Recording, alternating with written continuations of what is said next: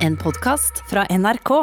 Ja, jeg må medgi at jeg trodde det skulle ta lengre tid før vi var nødt til å invitere Bjørn Gullvåg og Camilla Stoltenberg tilbake for å snakke om nok en smittebølge.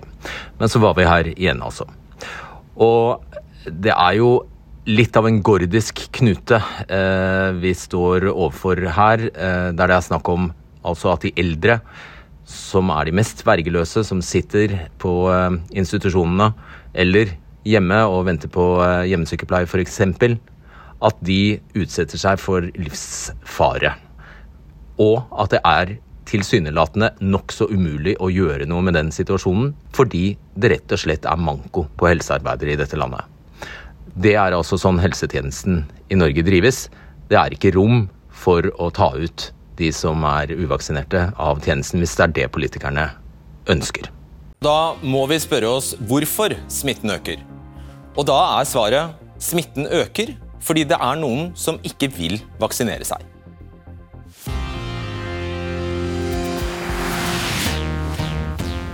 Og de noen er så mange at smittekurven har blitt mye brattere enn FHI forestilte seg. Antall innleggelser øker, og fullvaksinerte havner på sykehus. Folk dør. Halvparten av de som blir innlagt, er født i utlandet. Og Da snakker vi om at 62% av litauerne i Norge er uvaksinert. 60% av polakkene har ikke tatt vaksinen. 43% av somalierne er uvaksinert. Heng med videre, så kan det hende du får noen overraskende svar på hvorfor så mange innvandrere ikke vil vaksinere seg. Men det er slett ikke bare utenlandsfødte som sier nei til koronavaksine. I hele befolkningen er det faktisk knapt bare 70% som er fullvaksinert. Siden juli har det vært seks smitteutbrudd på norske sykehjem, der smitten kom fra en uvaksinert ansatt. Og vi vet at eldre har dødd både på sykehjem og hjemme fordi de har blitt smittet av uvaksinerte.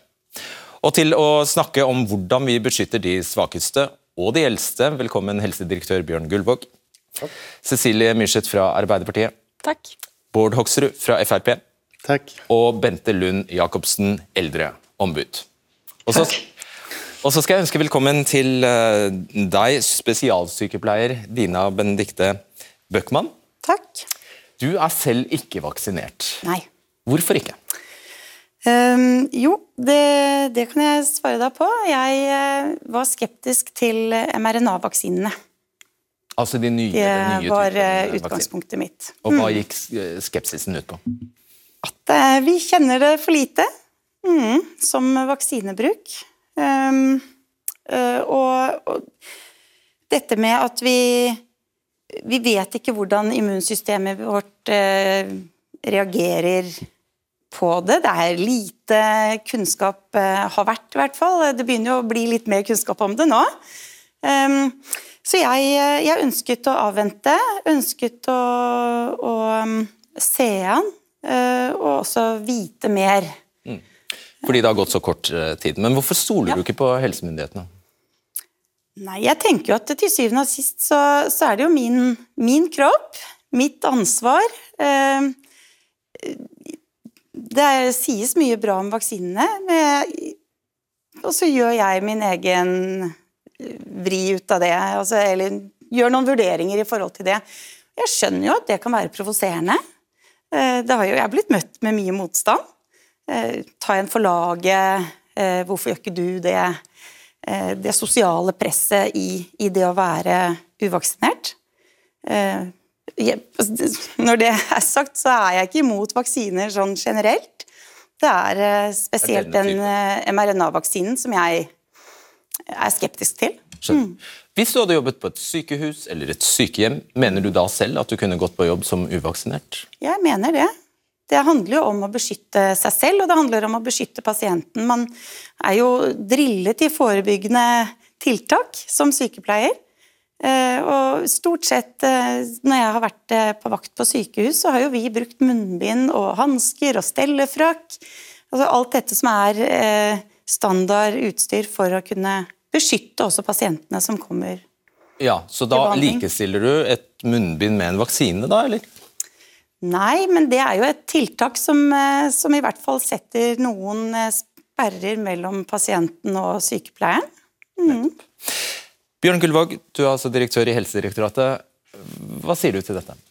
Jeg er jo sikker på at uh, hun er en svært dyktig helsearbeider. Uh, og jeg vil ikke betvile det, Men det er dypt problematisk for helsetjenesten at uh, mange helsearbeidere ikke tar denne vaksinen. Fordi vi er inne, midt inne i en pandemi. Det er svært krevende.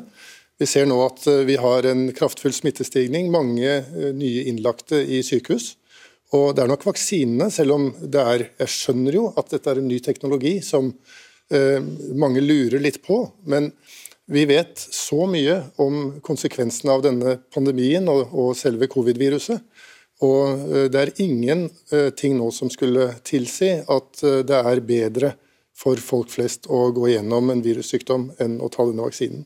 Få... Og, og, for, for uh, uh, de, de, som er helsearbeidere, så handler jo ikke dette bare om, uh, om, seg selv. Det handler i høyeste grad også om de pasientene som de har et ansvar for. Og Vi vet fra influensasesongene at helsearbeidere smitter mange pasienter. Det er dypt problematisk. Og I denne situasjonen vi er i nå, så er det enda mer kritisk. Og bare før vi går videre, Vet du med sikkerhet at det er uvaksinerte helsearbeidere som utgjør, eller de uvaksinerte i samfunnet, vil jeg rette meg til, som utgjør faren? Ja, ikke bare, fordi vi ser nå også at smitten brer seg eh, i større grad blant de vaksinerte. Det handler jo om at denne vaksinen også har eh, en eh, litt mer begrenset effekt på smitte enn det som vi kanskje hadde håpet på, og at det, går, at det faller litt over tid. Så Vi ser nå også at det er behov for eh, beskyttelsestiltak rundt eh, de vaksinerte eh, i forhold til deres pasienter. Du skal få svare aldeles straks. Bente Lund Jacobsen, du er eldreombud. Hvordan reagerer du på det Dina sier? Vi snakker jo om her risikoutsatte og eldre. Som, og, og, hvor det er snakk om liv og død. Og da å ha uvaksinerte helsehjelp til å pleie disse her, det syns jeg rett og slett er en gambling med livet deres. Og hva vil du gjøre med det? Jeg mener at uh, helsearbeidere bør være vaksinert. Jeg skulle jo virkelig ønske fra øverste hylle at alle lot seg vaksinere, som kan det, vel å merke. Uh, men uh, det er veldig viktig at vi kommer i gang med en prosess raskt, og hvor kommuner og stat som arbeidsgivere gjør en skikkelig god innsats for å få på plass vaksine til så mange som mulig nå fremover. Dette er vel antagelig, etter, så, eh, etter halvannet år med pandemi, så er det vel antagelig mennesker som ikke vil ta vaksine, tror du ikke det? Jo, det er helt sikkert en del som ikke vil ta vaksinen. men eh, da syns jeg at eh, vi skal omplassere dem til andre oppgaver enn å stelle dem mest sårbare. Cecilie Myrseth, du er stortingsrepresentant for uh, Arbeiderpartiet. Hva har du tenkt å gjøre, hvis noe? Nei, jeg tenker at eh, Det er mange ting man kan, eh, kan, gjøre, men eh, jeg tenker at når man ikke er vaksinert og er helsepersonell, så skal du ikke ha nærkontakt med sårbare pasienter i det hele tatt. Det er et ansvar som du sjøl har men det er også et ledelsesansvar. Eh, og Det må man ha oversikt over. Det er en oversikt man kan eh, få. Man kan ikke be om eh, private helseopplysninger, men man kan jo eh, registrere de som ikke eh, sier at de er vaksinert, som uvaksinert. Og Den gruppa kan ikke ha kontakt med denne type sårbare pasienter. Nei, Jeg hører mange lag med moral og moralisme og dobbeltmoral her. Ikke kan man spørre om de er eh, vaksinert, så du kan bare stirre hardt på dem, og ikke kan du tvinge noen til å ta vaksinen, du skal bare omplassere dem? Nei, det er ikke, det, så enkelt er det ikke. fordi Det har vært sendt ut også brev eh, om, om, dette, også til kommunene, eh, om hvilke muligheter man har til å, eh, til å omplassere de som f.eks. ikke er vaksinert. Og så vet vi også nå at eh, Helseministeren har jo også bedt om å få vurdert at de som er, eh, ikke er vaksinert, eh, må jevnlig teste seg. Det er noe som nå skal, skal vurderes. og Det mener jeg er riktig, for det viktigste her det er liv og helse først, og at de mest sårbare får den omsorgen og pleie som, eh, som man trenger eh, og har behov for. Da lar jeg Bård Hoksrud få vente litt, fordi det er fire mot én blir litt drøyt. Vi kjenner vår besøkelsestid her. Nå skal du få svaret. Jeg tenker eh, som så at vi vet jo at det er mange vaksinerte som blir smittet. Vi vet at det er mange vaksinerte som også er smittebærere og smitter videre.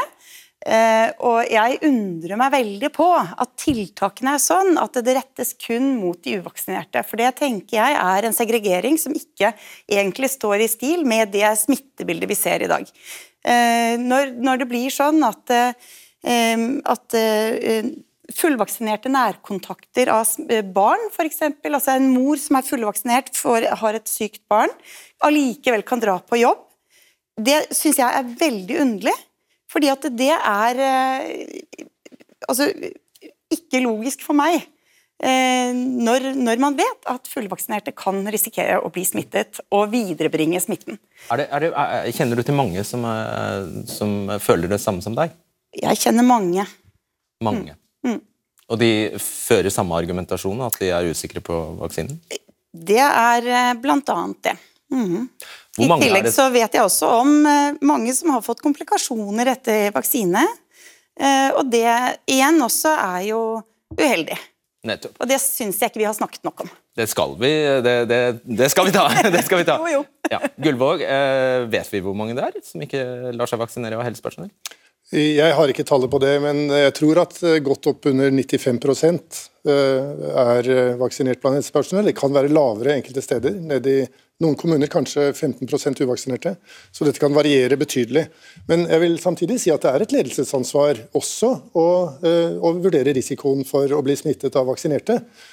Så Som ledelse i helsevirksomheter så må man alltid Eh, ta en risikovurdering og tenke gjennom hvordan man får utnyttet sine ressurser best mulig. Men da er det jo ofte sånn at eh, de som har høyest risiko for å bringe smitte til eh, pasientene, er de man først må ha tiltak for. Altså de uvaksinerte? De uvaksinerte.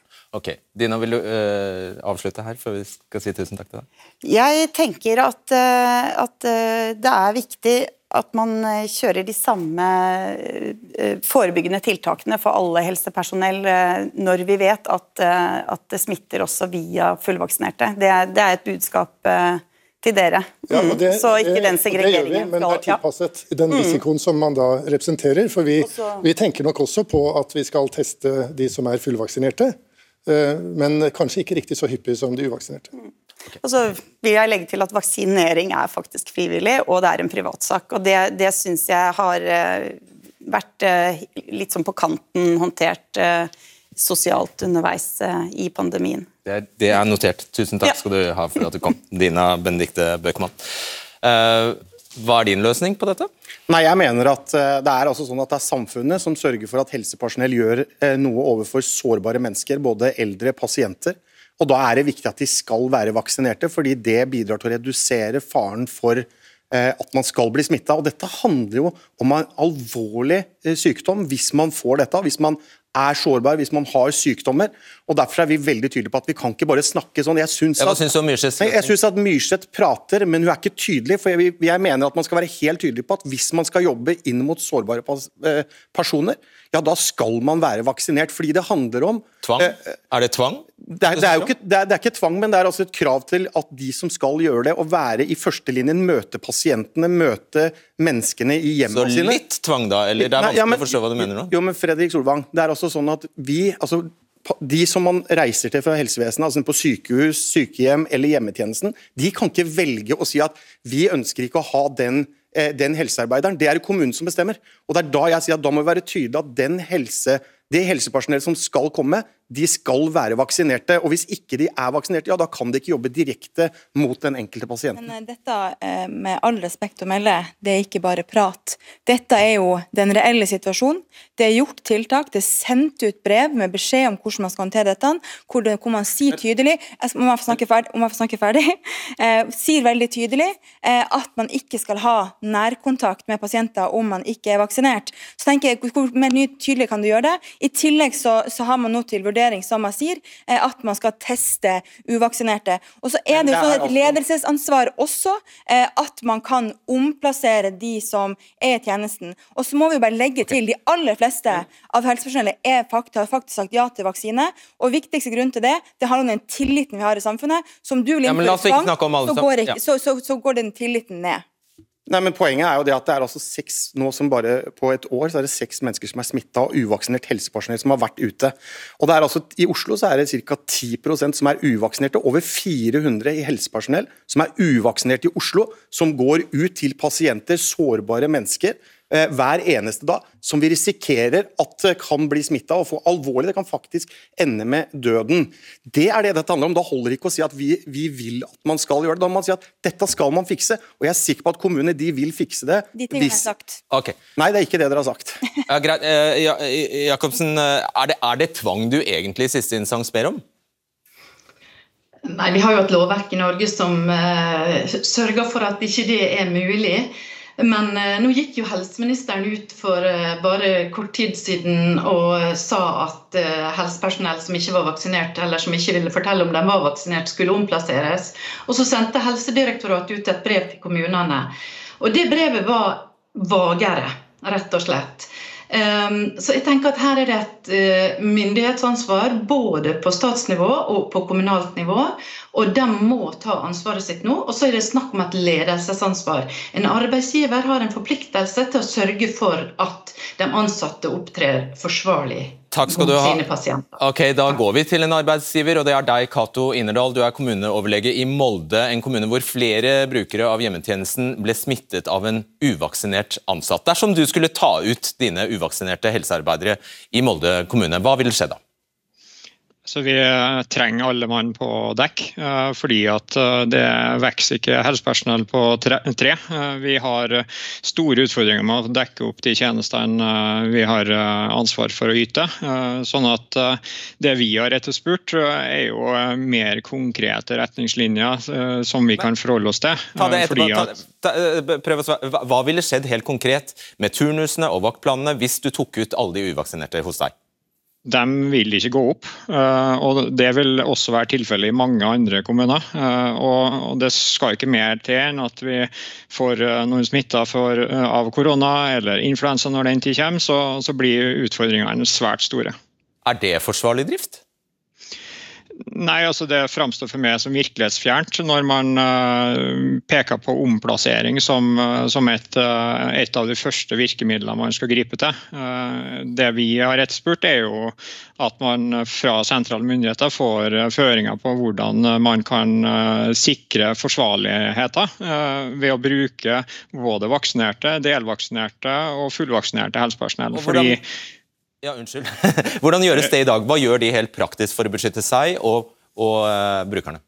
Nei, Per i dag så er jo det her overlatt til hver enkelt kommune. og, Det er vanskelige både etiske vurderinger, det er vanskelige smittevernfaglige vurderinger og det er vanskelige ledelsesmessige vurderinger. og At man da fra myndighetene overlater det her til hver enkelt kommune og hvert enkelt sykehus, det er, synes jeg er uheldig. fordi da får man ulik praksis fra kommune til kommune, fra sykehus til sykehus. og så ender det med at at man da øh, blir usikker både for, som helsepersonell og ikke minst for pasientene. og Det er ingen tjent med. Men bare, sånn at, Det jeg leter etter, Kato øh, er, er, helt konkret. Hva gjør de som ikke er vaksinert, når de går på jobb som ikke-vaksinerte? Har de doble munnbind, har de hansker? Hva gjør de? Nei, Per i dag så, så, er det da overlatt til hver enkelt kommune. I Molde så har vi eh, innført uh, plikt til å bruke munnbind for uh, helsepersonell som er uvaksinert, men vi har også innført uh, plikt til å bruke munnbind for helsepersonell som har syke familiemedlemmer som er smitta av korona, nettopp for å redusere risiko for at de smitter til tross for at de da følger det som er nasjonale anbefalinger, og at de da kan være på jobb, selv om de da har en, en smitta familiemedlem eller eh, andre i husstanden. Da tar vi den eh, videre til helsedirektøren. Tusen takk skal du ha, Innerdal. Hva vil du gjøre? Nei, Vi vil jo forsøke å ha enda tydeligere eh, retningslinjer for hva som bør gjøres. Og den smittesituasjonen som vi nå har hatt, eh, tilsier at vi må gjøre mer enn det som er gjort. Ja, men samtidig så vil jeg si at... ha sendt ut et veldig vagt brev som de ikke ja, noe av. Ja, det hører jeg. Eh, men det er nå engang slik at eh, det må være et ledelsesansvar i en virksomhet å ta stilling til hvordan man skal bruke sin arbeids Eh, stokk på best mulig måte til beste for pasientene. Og Det er ikke noe som vi kan styre. Jo, Han sa slutt å skyve det ned på hver enkelt kommune. Ta ansvar, sa han nå nettopp. Ja, han sa det, men han sa samtidig det at de ikke hadde muligheter til å omplassere. Og Det er jo mange kommuner man faktisk har muligheter til å omplassere. Så det blir umulig for oss fra statens side å, å, å dirigere dette i hver enkelt kommune. Jeg tror det er viktig at kommunene har et ansvar, og at de og så tar det ledelsesansvaret det er å drive primærhelsetjenester. Og da, I det så ligger det at de må gjøre en risikovurdering av hva slags tjenester de skal yte til sine pasienter. Ok, Før vi går videre, eh, Det er altså ikke mulig å jobbe på sykehus, på sykehjem eller i eh, hjemmetjenesten. Eller det er mulig. Det er mulig å jobbe i disse tjenestene som uvaksinert, som vi har skjønt nå. Men det er ikke mulig å være på utenlandsoppdrag i Afrika for Forsvaret som uvaksinert. Skal vi høre mer om nå, Niklas Heia, du er orlogskaptein i Forsvarets sanitet. fordi det er sånn at Dere har en hjemmel i forsvarsloven som sier at dere kan erklære de som ikke vil ta eh, vaksinen, for ikke skikket til tjeneste. Hva skjer da? Det stemmer. Eh, da blir det foretatt en konkret eh, vurdering, hvor man ser på både risikoen for eh, smittsomme sykdommer, samtidig som man må hensynta altså Forsvarets operativitet, de krav som stilles til Forsvaret for å opprettholde operativ evne. Eh, det som kan bli konsekvensen, er jo da at vedkommende som eh, nekter å la seg vaksinere av det som Forsvaret har vurdert til å være nødvendig vaksine, kan måtte endre på tjenesten sin. Altså at det kan innebære endringer i enten arbeidsoppgaver eller tjenestested, eller uh, hva han gjør. da. Har det skjedd? Det har skjedd. Det har skjedd. Ja. Er det, det, er ikke snakk om vaksinetvang, bare for å forstå dette, det er, men det er omplassering vi snakker om. Ja, så det er veldig godt poeng du tar opp der. for Det er ikke, det er ikke sånn at Forsvaret verken kan eller vil tvangsvaksinere uh, noen. Det er mer snakk om en form for kvalifikasjonskrav. Kan du kanskje si at for visse typer stillinger og Eh, tjenester, eh, så kan eh, Forsvaret settes som en form for kvalifikasjonskrav. Ja, du, ser på, du må ikke vifte som med armen, du distraherer ham veldig. allerede. Bare konsentrere deg om, om dette, ikke, ikke bry deg om han. Du, så, ja, med andre ord, de blir, de blir kjent uskikket til folk dra i krigen hvis de ikke er vaksinert? Ja, altså Det er ikke sånn at Forsvaret fysisk holder fast noen og vaksinere dem mot deres vilje, men eh, det kan da være at eh, de vil innebære begrensninger i tjenesten eh, deres. Da. Og Dette tar vi med selvfølgelig fordi det er jo høyst relevant at mens helsepersonell kan traske rundt i sykehjemskorridorer, så kan altså ikke soldater dra til Afrika for å drive utenlandstjeneste. Det er den situasjonen vi er i, hvis de er uvaksinerte. Det stemmer. Uh, ut fra de vaksinene som Forsvaret da vurderte vurdert å være nødvendig for de tjenestene. Meget interessant. Tusen takk. Ja, Hva skal man si? Hvordan kan det være sånn? Det er jo naturlig nå i etterkant av denne pandemien at vi faktisk går opp de kravene som stilles til helsepersonell i ulike typer funksjoner. Og så er det, tenker jeg, Vi skal gi våre faglige innspill, og det er i siste instans et politisk ansvar å trekke den linjen. Og, ja, og så hørte du du ble beskyldt for å være virkelighetsfjern. Ja, det syns jeg jo eh, Om å omplassere, altså. Jeg er selvfølgelig ikke eh, enig i det, men jeg tenker at det som jo sies her, er at i særlige situasjoner så er det på en måte krav for å kunne f.eks. dra ut, sånn som man sier.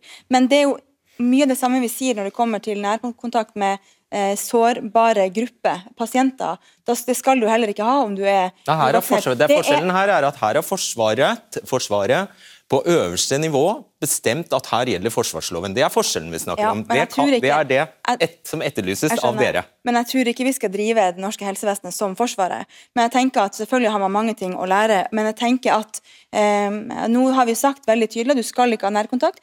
Men jeg syns jo det som kommunelegen var inne på, eh, viser jo det reelle eh, utfordringa og problemet her. Det handler om mangel på helsepersonell. Det handler om mangel på kollegaer. Vi har eh, for lite av det. Og det er en av de største utfordringene som vi kommer til å ha i norsk helsevesen i tida som kommer. Så de fantastiske folkene som nå er på jobb og eh, gjør at det er mulig for oss å, eh, å, å være her. Eh, de trenger flere kollegaer, og det en stor men, men, utfordring som vi ikke får løst over natta. Det er vi jo kjempeenig. At det er utrolig mange helsepersonell som gjør en fantastisk jobb. Over 90% har tatt begge, begge vaksinedosene, og mange står på tur for å ta den tredje. Så det er mange som bidrar her.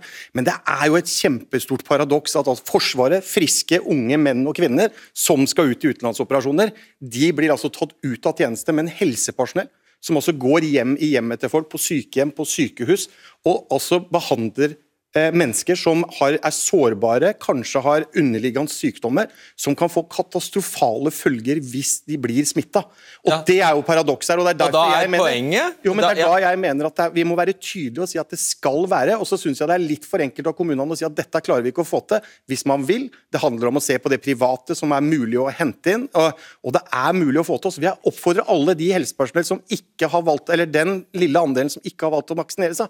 Jeg vil oppfordre de som kan det. Det er noen som ikke kan, og det skal man ha respekt for. Men jeg vil oppfordre de til faktisk å ta og tenke gjennom en gang til. For det handler om tryggheten og Det sikkerheten. tror jeg Arbeiderpartiet også skriver men men der kom jo stikkordet som egentlig Bård Hoksrud egentlig sikkert har lyst til å se, sagt i hele debatten. Det er liksom det er bare å se til de private, så ordner alt seg. Det er ikke det som er løsninga her. Problemet er at vi, ja, det er, men det må jo de enkelte kommunene eh, ha, ansvar for. Hva har man behov for av ekstra Man må være tydelig på krava.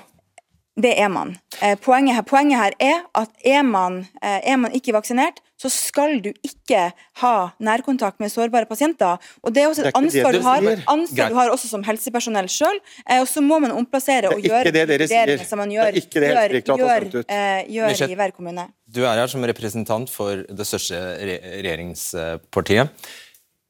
Det brenner under føttene deres nå. Dere må rydde opp og gjøre noe med denne situasjonen. Ja, Absolutt. Og veldig det raskt. ansvaret tar vi på det største alvor. og veldig raskt. Det skal vi gjøre.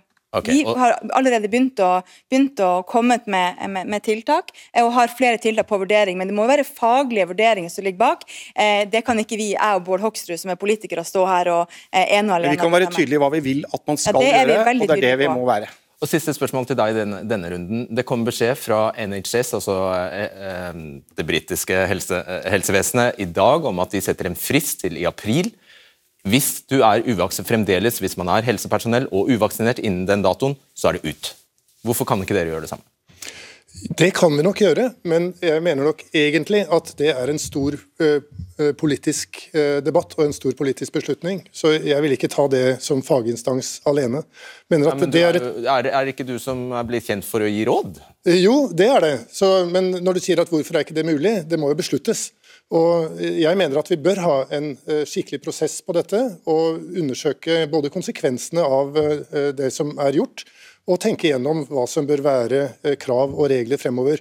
Og Her tror jeg vi kanskje må differensiere i ulike deler av helsetjenesten, avhengig av hvor sårbare pasienter vi har. Hva betød det siste du sa nå? Jo, Det betyr at uh, uh, det vi har fått melding om de siste dagene fra mange kommuner, inklusive Cato Innerdal, er jo at man har ikke tilstrekkelig helsepersonell som er uvaksinert til å kunne ta alle Nei, unnskyld. Ja, Det er jo floken her. Er, er ikke det hele floken? Jo, det er det som er floken. Og Derfor så er det ikke bare å omplassere, og det er heller ikke å si eh, noe om at de uvaksinerte ikke kan eh, ta oppgaver. Eh, Fordi det må gjøres en risikovurdering, en helhetlig risikovurdering i kommunen og i virksomheten om hva som gagner pasienten aller best. Ok. En tvangssituasjon kan vi jo være enige om at det er. Det er veldig krevende. Er ingen tvil om det. Ok. Hjertelig takk for at dere kom.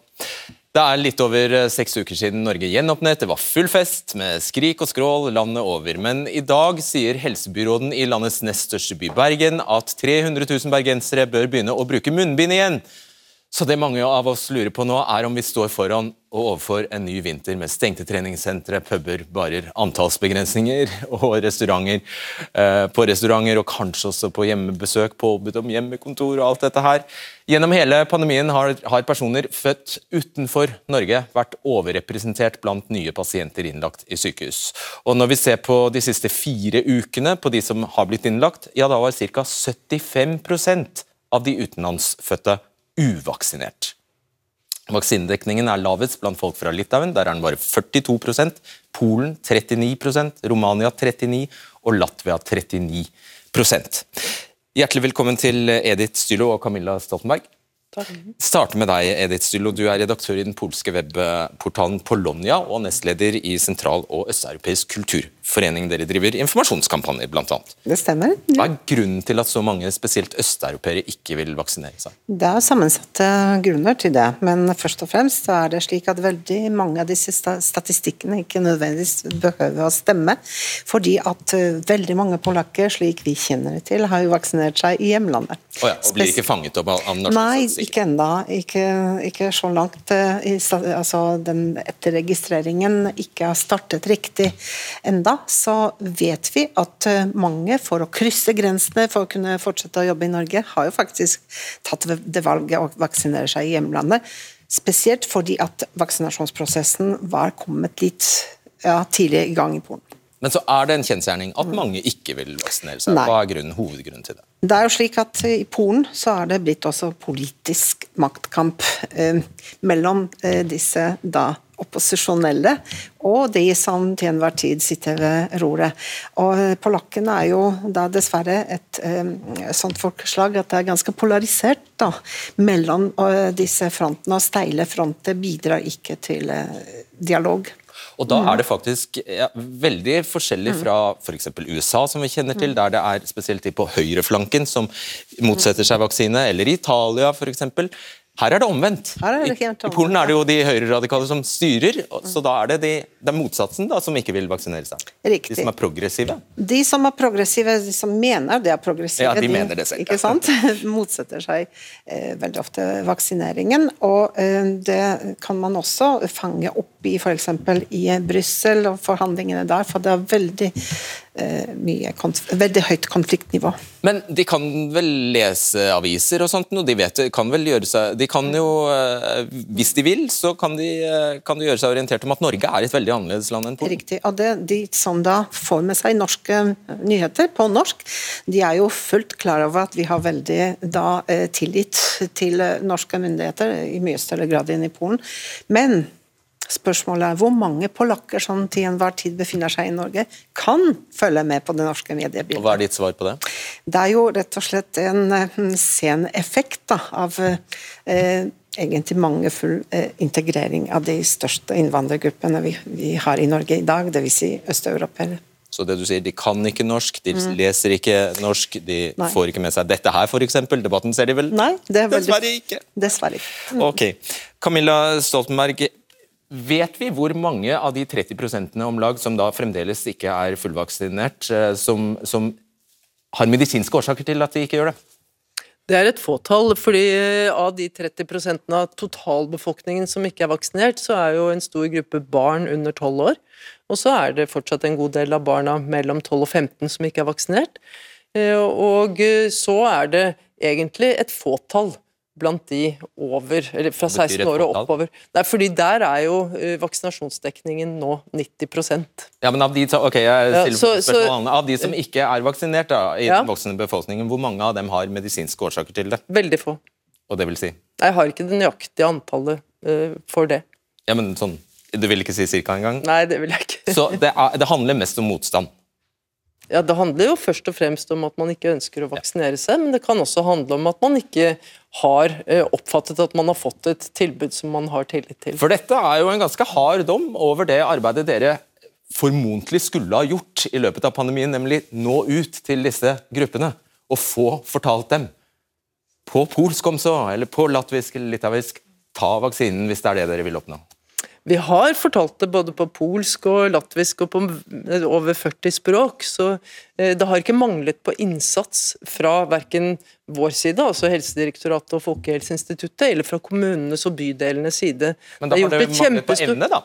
Ja, det er mangel på evne fordi det er vanskelig å få til, og fordi at mange føler en tilknytning til sitt hjemland. og Vi ser at den vaksinasjonsdekningen som finnes i hjem, hjem, hjemlandet, den er reflektert i de ulike gruppene i Norge. Hva skulle de ha gjort? Nei, eh, det er jo bare å fortsette den eh, prosessen som har startet. Og eh, vi er jo veldig lydhøre for de til enhver tid gjeldende norske lover og regler. Men det er også slik at det er veldig mange som jobber som turnusordninger. Og det er ikke nødvendigvis de samme personene som kommer til samme arbeidsplassen måned etter måned, men de bytter også. Så. Men jeg kan jo godt si at en av de tingene som vi ser på nå sammen med eh, Helsedirektoratet, det er jo om vi skal ta opp eh, og ta i bruk koronasertifikat. Eh, Og da vil det jo være en nødvendig ting å registrere den Altså vaksinasjonsstatusen. Ja, når man kommer inn i landet, ja. Akkurat. For i Men dag er det bruk- helt åpne grenser, er det sånn, sånn det fungerer? Nei, det er ikke helt åpne grenser. Det er fortsatt mange som ikke kommer inn i landet. Jeg Det tror er- misforsto, Fredrik. Det er i bruk i Norge. I bru koronapasset i bruk i Norge? Bruk i I hvilke Norge. sammenhenger da? Ja, dette er vi i ferd med å jobbe med, men Inn på restauranten restaurant og sånn? Vi, vi, har ikke kommet til noen konklusjon der, så det kommer snart. Men det kommer ikke nå. Hvem er det som blir smittet nå? De som blir eh, smittet, er barn og unge i veldig stor grad, men det er også de som blir testet i stor grad. Så fordi vi tester nå færre, og veldig mange, kanskje 50% av de som tester seg og blir registrert, har allerede testet seg med en hurtigtest som ikke er registrert. Så vi har dårlig oversikt over smittespredningen. Men det er ingen tvil om at det er veldig mange barn og unge som nå smittes. Det er også de som i mindre grad er Ja, Det er jo ikke egentlig de vi er så veldig bekymret for, det er jo de som havner på sykehus og blir alvorlig syke, som, som vi er fremdeles bekymret for. Så hvem er det? Det er eh, eldre.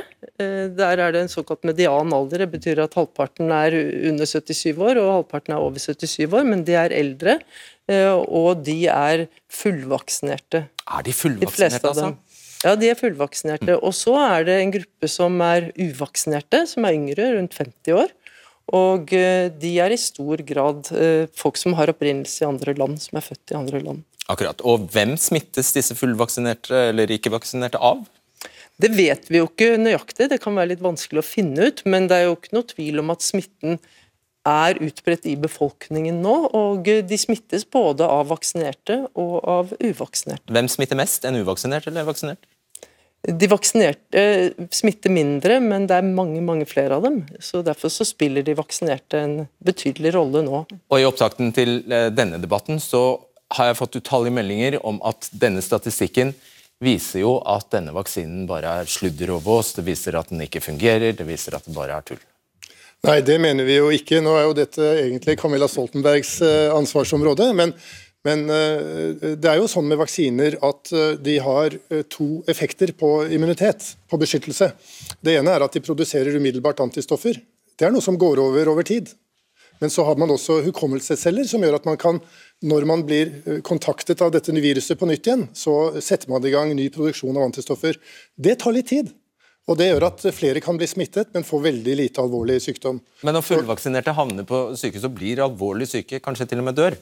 Ja, Det er klart, eh, det er en liten overraskelse at eh, det skjer. Men det er samtidig sånn at det er en, en betydelig beskyttelse i forhold til de uvaksinerte. Både når det gjelder innleggelser, og når det gjelder eh, død.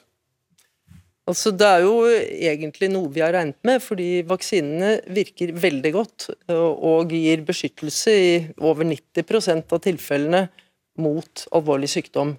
Men det betyr jo at rundt 10 eh, vil likevel kunne bli alvorlig syke. Og når det da er mye smittespredning, så er det jo de som både har det svakeste immunapparatet, altså de eldste gjerne, Eh, og de som har underliggende sykdom, eh, oftest begge deler, som da rammes. Og nå eh, får vi altså meldinger fra, fra, byene rundt omkring at det gjeninnføres eller vurderes å gjeninnføres diverse tiltak.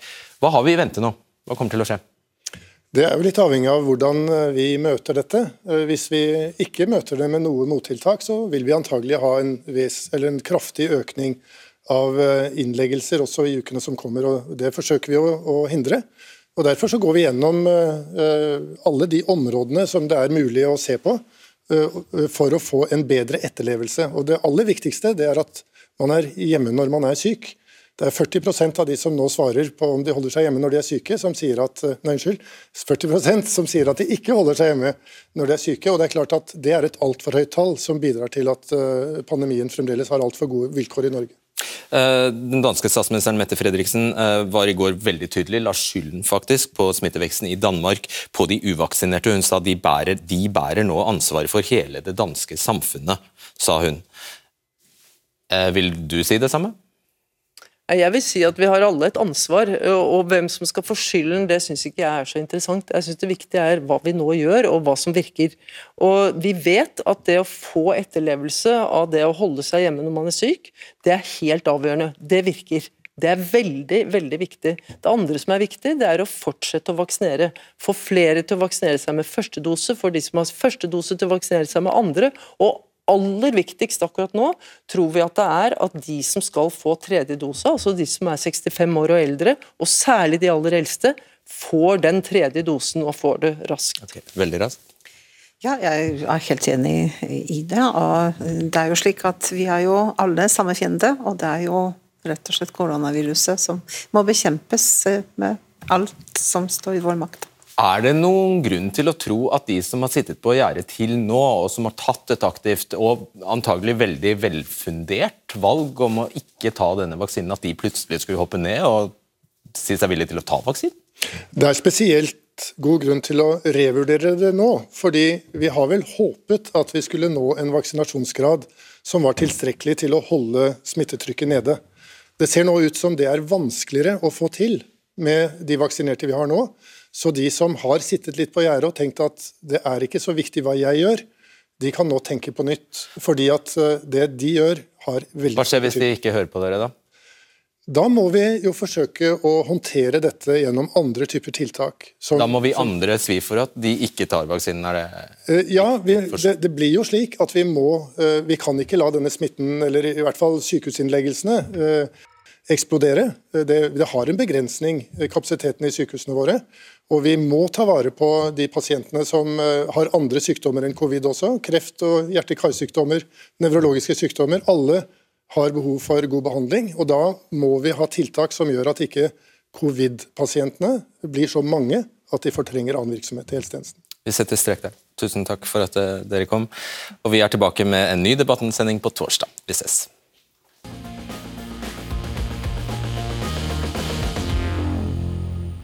Jeg syns det var veldig prisverdig og veldig tøft og modig gjort av Dina Benedicte Bøckmann å faktisk stille her og representere denne gruppa, som vi da skjønner faktisk utgjør ganske så mange mennesker. Så jeg vil rette en takk til henne, og takk for at du hører på podkastversjonen av Debatten. Du har hørt en podkast fra NRK. Hør flere podkaster og din NRK-kanal i appen NRK Radio.